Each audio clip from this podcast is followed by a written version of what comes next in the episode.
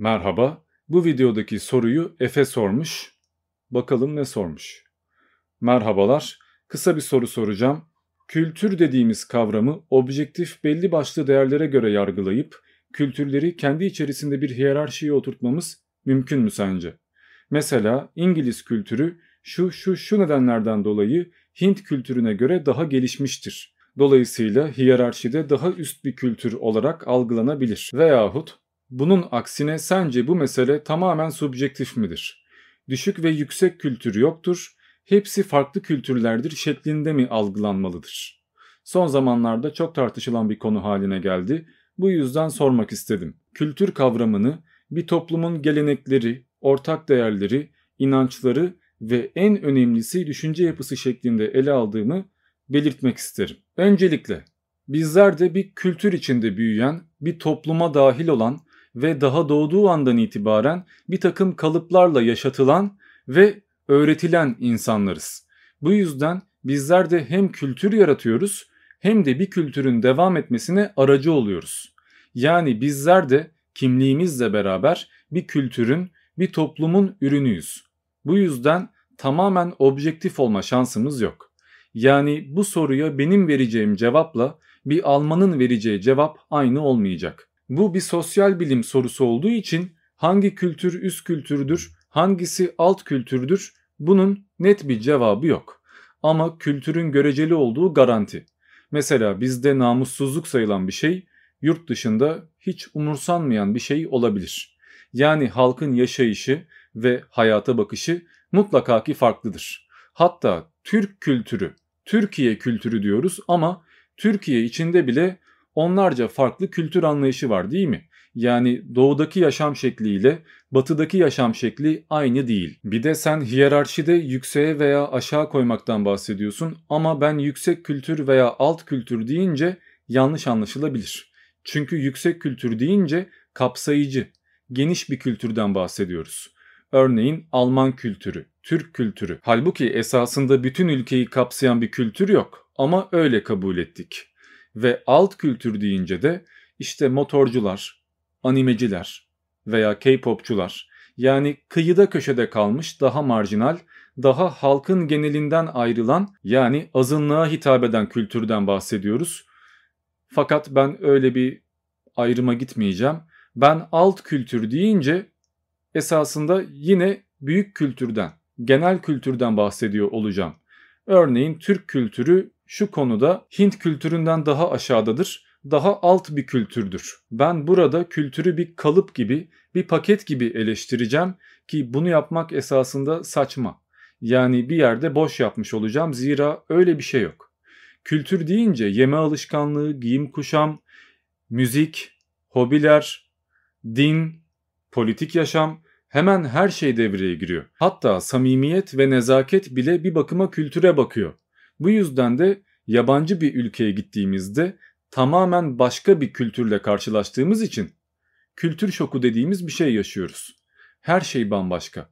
En ufak ayrıntı bile yolda bir hanımefendinin çantasını taşımak bile veya yaşlı insanlar önünde bacak bacak üstüne atmamak, öğretmene bağırmamak hemen her şey kültürle alakalı. Bizde bekaret bir tabudur. Mesela genç bir kız cinsel bir ilişkiye girdiğinde hemen gözden düşer, bozuldu derler, kıymeti kalmaz. Laf çıkar, söylenmedik laf bırakmazlar ve kızın hayatını zindan ederler. Ama yurt dışında öyle bir şey yok. Bir İngiltere'ye gidin, Amerika'ya gidin, 20 yaşına gelmiş bir kızın en az 5-10 kişiyle yatmışlığı var. Hatta birisi hala bakire olunca o yaşlarda söylemeye utanıyor. Küçümserler, alay ederler falan diye düşünüyor. Ya da böyle olmasa bile birisiyle yatmış olması zaten son derece normal karşılanıyor. Kız da erkek de tamamen aynı özgürlüğe sahip. Ama bizde baktığınızda bir erkek 15-16 yaşında babası tarafından genel eve götürülür.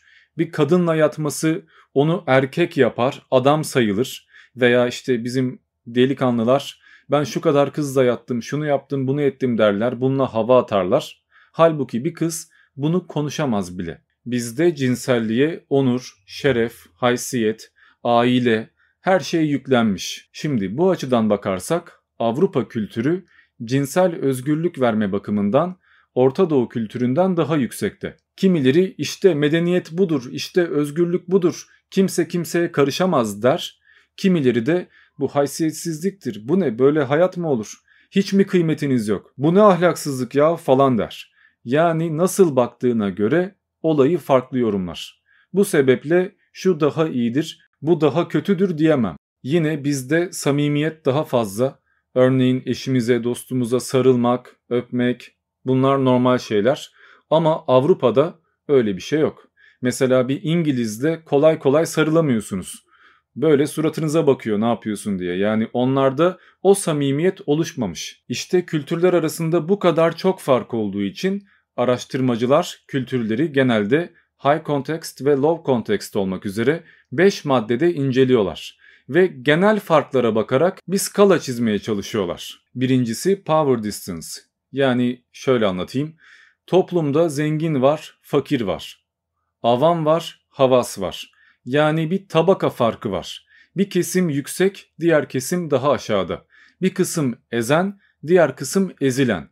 İşveren ve işçi vesaire vesaire yani yöneten ve yönetilen. Toplumda mutlaka bir takım tabakalaşmalar oluşmuştur ve bazı kesim son derece özgüvenli ve hoyratça elindeki yetkiyi kullanır, diğer kesimse özgüvensiz, baskılanmış ve hakkını bile arayamayan kesimdir. İşte power distance bu farkı, bu ayrımı ne kadar kabullendiğinizle alakalı bir terim. Mesela power distance'ın yüksek olduğu toplumlarda halk genelde otoriteye boyun eğer. Yüksek rütbeye, makama saygı vardır, tartışılmaz, hiçbir şekilde karşı gelinmez, itaat etmek mecburidir. Fakat power distance'ın daha kapandığı toplumlarda bireyler hakkını arar. Otoriteyi pek de sallamazlar ve herkes kendine güvenir. Yani ben de bir işe yarıyorum. Ben olmasam şunlar şunlar olmaz siz kimsiniz der ve çoğu zaman patrona veya başkana karşı argo bile konuşabilir. Bu durumda bizler gücü kabullenmiş bir toplumuz. Çünkü ne babaya, ne öğretmene, ne ataya, ne patrona, ne politikacıya kimseye sesimiz çıkmıyor. Buna pater familias da derler. Yani aile babası bir figür olur, bir mertebeye gelmiştir, bir gücü vardır ve o ne söylüyorsa odur. Herkes ona boyun eğer. Bu bizde epey yaygın. Yani sıkıyorsa bugün bir politikacıya bir eleştiri yapın, bir laf sokun, bir şey söyleyin. Ertesi gün ya işten atılmış olursunuz ya da hapse girmişsinizdir. Başınıza bir iş açılmıştır, bir şeyler olmuştur. Fakat Amerika'ya baktığınızda Trump'a, Biden'a bir ana avrat sövmedikleri kalıyor. Her türlü konuşuyorlar. Hiçbir korku yok. Halk yönetenden, üst zümreden değil, halktan korkuyor. Amerika bu tabakalaşmayı reddetmiş ve halkı kutsallaştırmış.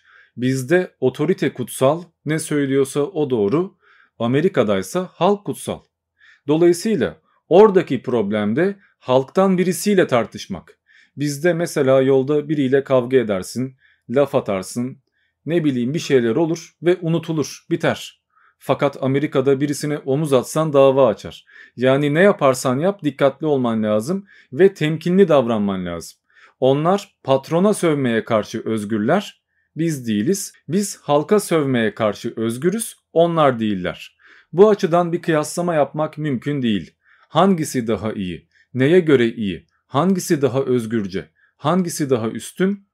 Kişiye kalmış. Zaten kültür tamamıyla üstün veya aşağılık addedebileceğimiz bir yapı değil. Yani anca cüz'i bir hiyerarşiden bahsetmek mümkün. Genel manada bunu kıyaslamak doğru olmaz. Kültürler arasındaki ayrımları yapmak için kullandığımız ikinci yöntemse erillik ve dişillik seviyesine bakmak. Şöyle söyleyeyim, bizde erkek daha üstündür halkın gözünde. Erkek deyince bir figür yaratılır. Erkek eve bakar, para kazanır, çalışır, kapsayıcıdır, evin reisidir, güçlüdür, kuvvetlidir, vay efendim şudur budur. Bu halkın yarattığı bir figürdür ve bu figüre, bu kalıba uymayan erkeklere yeterince erkek değil gözüyle bakarlar. Örneğin askerden kaçan veya bedelli yapan bir erkeğe yeterince erkek gözüyle bakılmıyor. Hatta adam değil diyorlar, kız vermeyenler bile çıkıyor.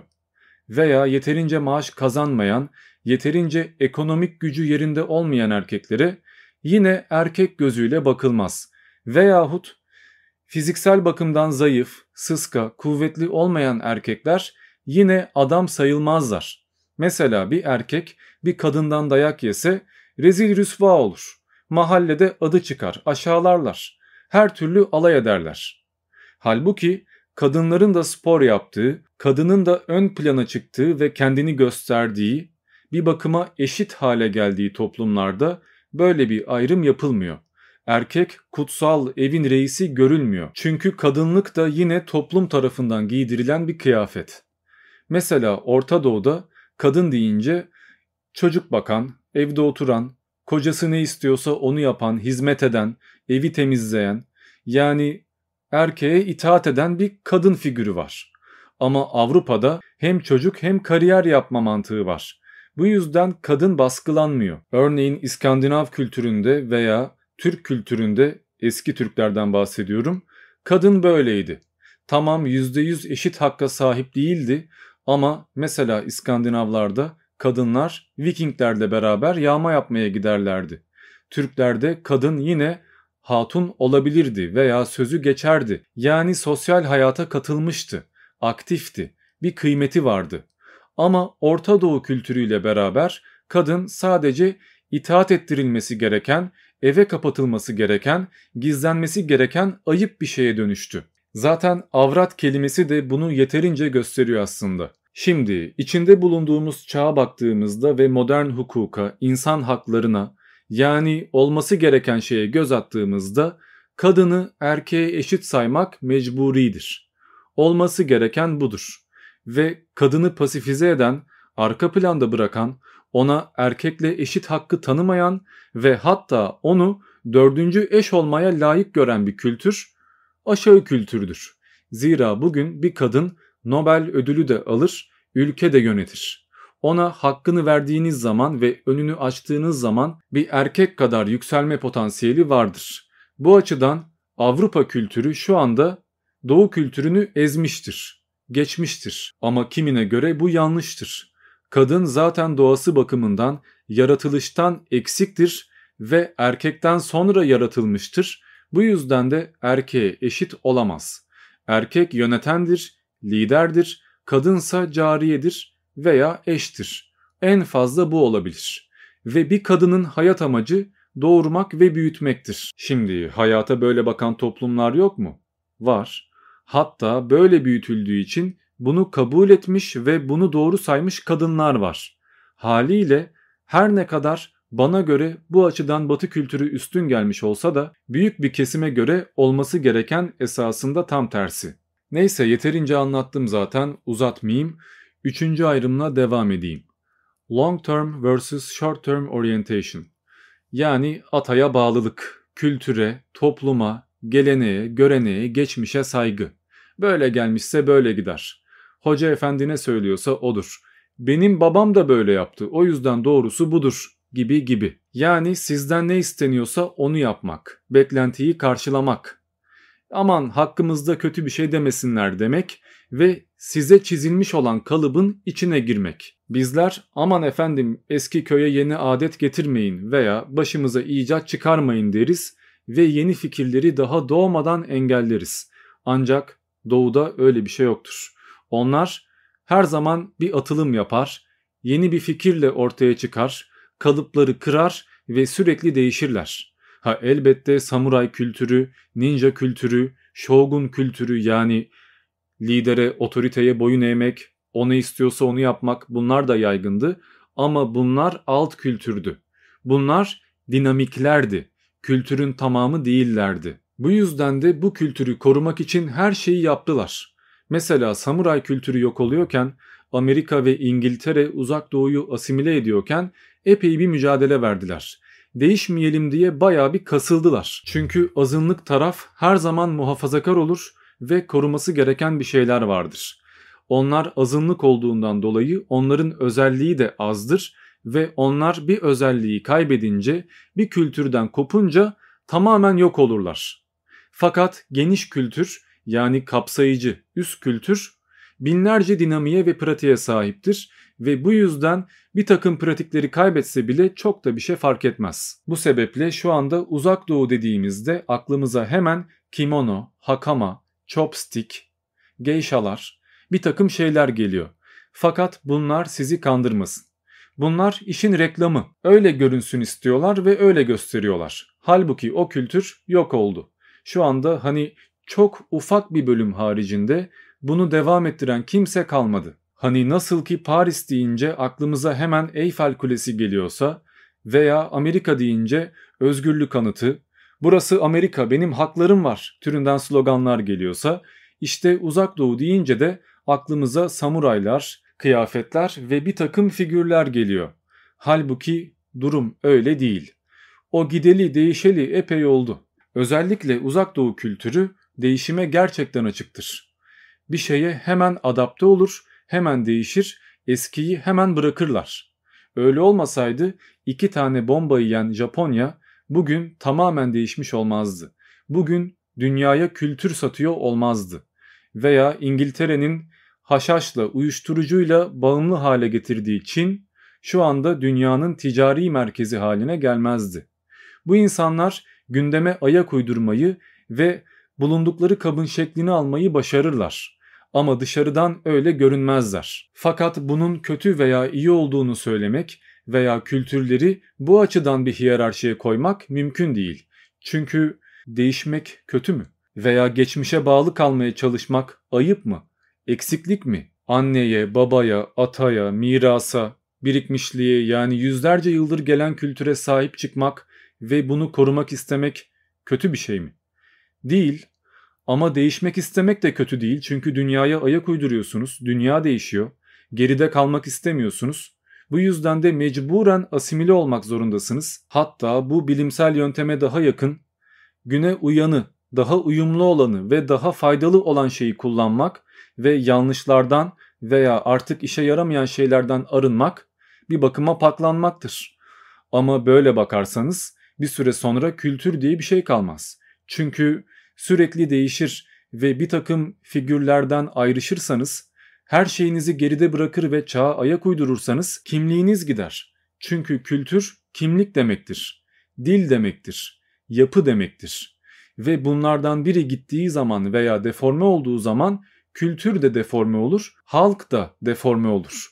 Ama öte yandan kültür zaten sürekli değişen, sürekli üstüne bir şey katan bir olgu. Bu açıdan zaten kültür, kimlik, dil sürekli yeniden inşa oluyor.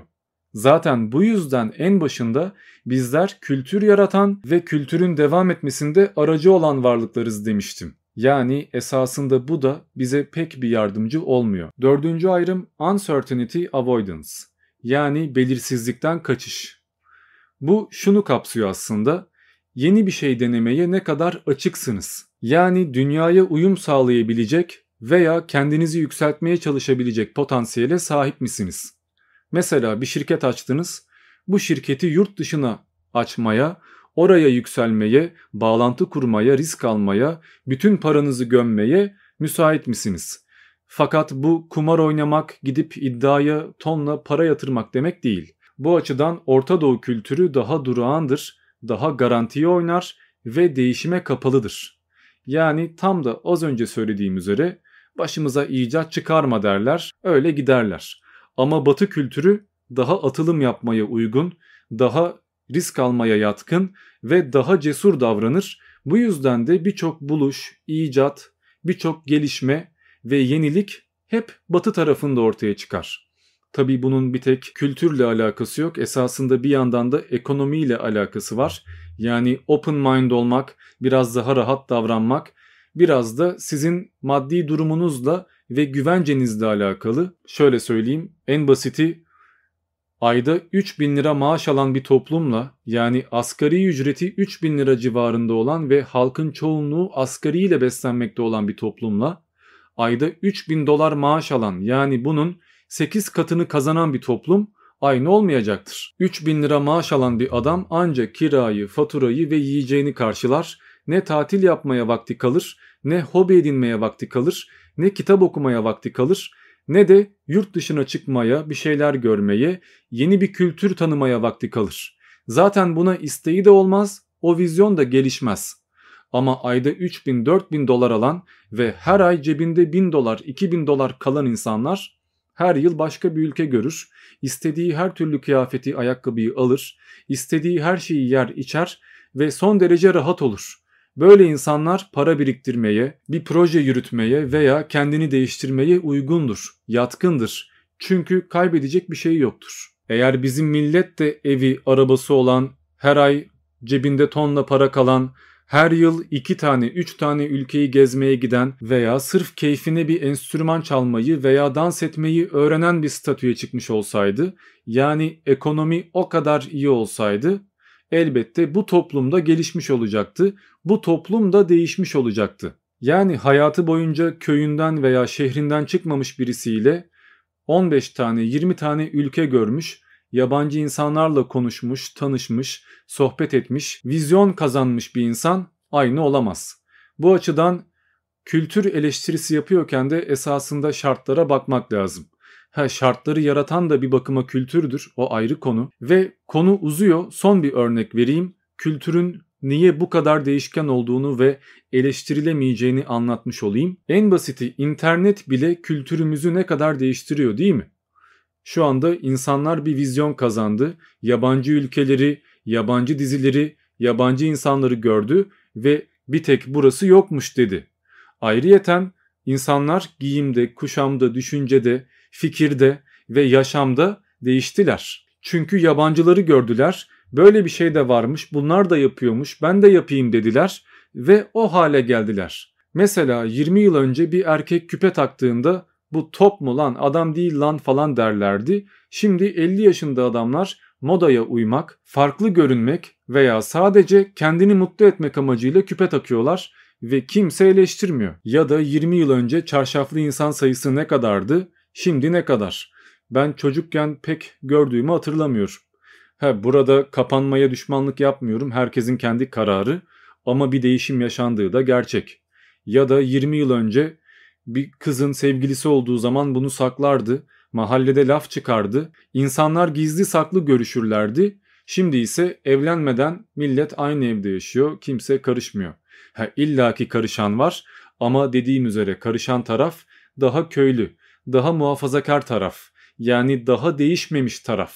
Büyük şehirlerde, metropollerde durum böyle değil. Eskiden her mahalle kendine has bir kültür yaratıyordu. Her semtin bir özelliği vardı. Şimdi öyle bir şey kalmıyor. Bütün bu alt kültürler veya muhafazakar takılmaya çalışan insanların savunduğu şeyler günden güne gidiyor. Çünkü bu mecburi bir şey. Bütün dünya değişiyorken siz sabit kalamazsınız. Kalırsanız yok olursunuz zaten. Ayrıca refah düzeyi yüksek ve halkın özgüven kazandığı bir toplumda kültür hemen değişebilecekken çünkü halk kendi kararını verebilecekken pek aşağılık kompleksinden kurtulmamış bir halkta kültür o kadar da kolay değişmiyor. Pek eğitim almamış bir insan öğretmene, doktora, patrona karşı gelemez. Aman şimdi bir şey söylerim, zoruna gider, işimden olurum, başıma bir şey gelir. O daha doğrusunu bilir. Bu mantık vardır. Ama şehirde eğitim almış veya biraz şımarmış bir insan kendi bildiğini okur, karşı gelir, kavga eder, istifa eder, problem yaratır yani. Baskılanmış toplumlar hakkını arayamazken rahat bırakılmış toplumlar köküne kadar almaya çalışır. Ve köküne kadar alabileceğini bilen bir toplum da elbette birçok atılım yapar ve kendini geliştirir. Aa bir dakika ben son örnek falan diye öyle girdim ama 5. ayrımdan bahsetmeyi unuttuğumu fark ettim. Bu da individualizm ve kolektivizm yani toplumculuk ve bireycilik. Toplumcu mantık birbirimize ne kadar sahip çıktığımızla alakalı. Hani bir sevgili yaptığımızda bile sen benimsin ben ne diyorsam o diyoruz ya. Sanki bir bireyle değil de evcil bir hayvanla ilişki yaşıyoruz. Bir kuklayla. Her istediğimizi yaptırmaya çalışıyoruz ve çoğu zaman ya benimsin ya kara toprağın mantığına kadar iş gidebiliyor. Yani kıskançlıkla psikopatlık arasındaki ayrımı yapamıyoruz. Veya yine kız kardeşimize, kuzenimize, kendi akrabalarımıza karşı fazla karışan bir tipe dönüşüyoruz. Herkesin işine gücüne burnumuzu sokuyoruz. Kendimizde yakınlarımıza karışacak hakkı görüyoruz. İşte bu toplumcu kültürlerde epey yaygındır ve genelde bunlara kabile veya aşiret sistemi denir. Çünkü kendinizi herkesten sorumlu hissediyorsunuz. Ya da herkes size göre davranmalıymış gibi bir komplekse giriyorsunuz. Ama bireyci toplumlarda böyle bir şey yok. Herkes kendi başına. Hatta bir çocuk 18 yaşına geldiğinde ya üniversiteye gidecek, evi terk edecek ya da kendi evine çıkacak, para kazanacak, bir şey yapacak. Yani anneye babaya bağlı kalmak diye bir şey yok. Veya ben evleneceğim, ev kadını olacağım ya da evde oturacağım, annem babam bana 50 yaşına kadar bakar. Böyle bir mantık yok. Reşit olan herkes kendi ayakları üstünde durur, kendi kararını verir, kendisi hata yapar, kendisi yanılır, kendisi öğrenir, kimse karışamaz. Toplumcu kültürlerde birey önemsizdir. Toplum, anane, görenek, halkın kabul ettiği kıymetlidir. Yani kimse sivrilemez ama bireyci kültürlerde toplum değil birey önem kazanır. Yani birey, kişi kendi başına da özel olmayı başarır. Toplumcu kültürlerde kişinin karakterinden ziyade içinde bulunduğu grup kıymet kazanıyor. Sen kimlerdensin? Hangi memlekettensin? Hangi partiyi tutuyorsun? Hangi takımı tutuyorsun, seviyorsun? Veya hangi dindensin? Yani bizden misin, dışarıdan mısın? Senin kişisel başarına, kıymetine, karakterine, önemine, zekana bakılmaz. Eğer o gruptan değilsen hiçbir kıymetin kalmaz. Bu yüzden de topluma uyum sağlamaya çalışır, sivrilmez, marjinal olmaz ve dikkat çekmezsin. İnsanlar ne istiyorsa öyle görünmeye çalışırsın ve el alemle yani güruhla kuvvet kazanmaya çalışırsın. Şimdi siz eğer grup halinde yaşamayı ve tek tip olmayı, aykırı davranmamayı, kalabalığa boyun eğmeyi uygun görüyorsanız bu durumda Orta Doğu kültürü daha üstün, daha kullanışlı. Ama her birey kendi başına kıymetlidir ve herkes kendi kararını kendi verir. Kimse kimseye uymak zorunda değil. Herkes birbirine saygı duymak zorunda. İfade özgürlüğüne, giyim özgürlüğüne, cinsel özgürlüğüne vesaire vesaire, inanç özgürlüğüne. Bu yüzden eğer birisi politikacıysa veya patronsa veya bilmem neyse öğretmense sen kimlerdensin diye sorulmaz. Bir kıymeti yoktur. İstiyorsa ülkeyi yöneten kişi ateist olsun ama işini doğru yapsın. Önemli olan budur. Saygı duymaktır diyorsanız bu durumda batı kültürü daha iyi. Tabi bu batı kültürü de hani son 100 yıldır 200 yıldır böyle. Yoksa onlar da bir öncesinde felaket feodaldi, felaket toplumcuydu, hatta sömürgeciydi. Bu yüzden şu anki batıyla genel batıyı karıştırmamak lazım. Ama batı hatalarından kurtulmayı ve çağa ayak uydurmayı öğrendi. Bu yüzden takdir etmek lazım. Bizse hala uğraşıyoruz. Bakalım. Bireyci kültürlerde çeşit çoktur ve değişim hızlı olur ve kolaydır ama toplumcu kültürlerde grup halinde yaşamak, sürüye uyum sağlamak bu esastır. Bu yüzden de değişim yavaş ve zorlu yaşanır. Yani büyük bir değişim yaşanması için bir darbe, bir devrim, bir inkılap, bir kırılma noktası yaratılmak zorundadır. Zaten bu yüzden az önce ifade ettiğim üzere Çin, Japonya, Uzak Doğu kültürünü sanki hala canlıymış gibi gözümüze sokmaya çalışıyor ki hani en azından bizde de bu var. Bizim kimliğimiz bu. Komple asimile olmadık. İyice sankretik hale gelmedik. Yani bu bir gerçekten ziyade bir temennidir. Şu anda bütün dünya aynı anda gelişmekte ve kültürünü iç içe geçirmektedir. Şu anda dünya gerçekten internet sağ olsun sınırı kalmayan bir yere dönüştü ve bütün kültürler evrilmeye başladı. Eğer bu soruyu 100 yıl önce sormuş olsaydın 100 yıl önce bunu konuşmak kolaydı. Çünkü o zaman Batı kültürü aşırı ayrışmıştı, Fransız kültürü gerçekten gelişmişti veya Doğu kültürü gerçekten de çok ezik kalmıştı. Ama şu anda öyle bir şey yok. Ve muhtemelen 100 yıl sonra bizim bugün üst kültür diye ifade ettiğimiz İtalyan kültürü, Türk kültürü veya Alman kültürü bir alt kültür haline gelecek. Çünkü bütün dünyayı kapsayan global ve karma bir kültür oluşmuş olacak. En azından ben öyle tahmin ediyorum. Öyleyse şimdilik bu kadar. Ben Diamond. Diğer videolarda görüşmek üzere.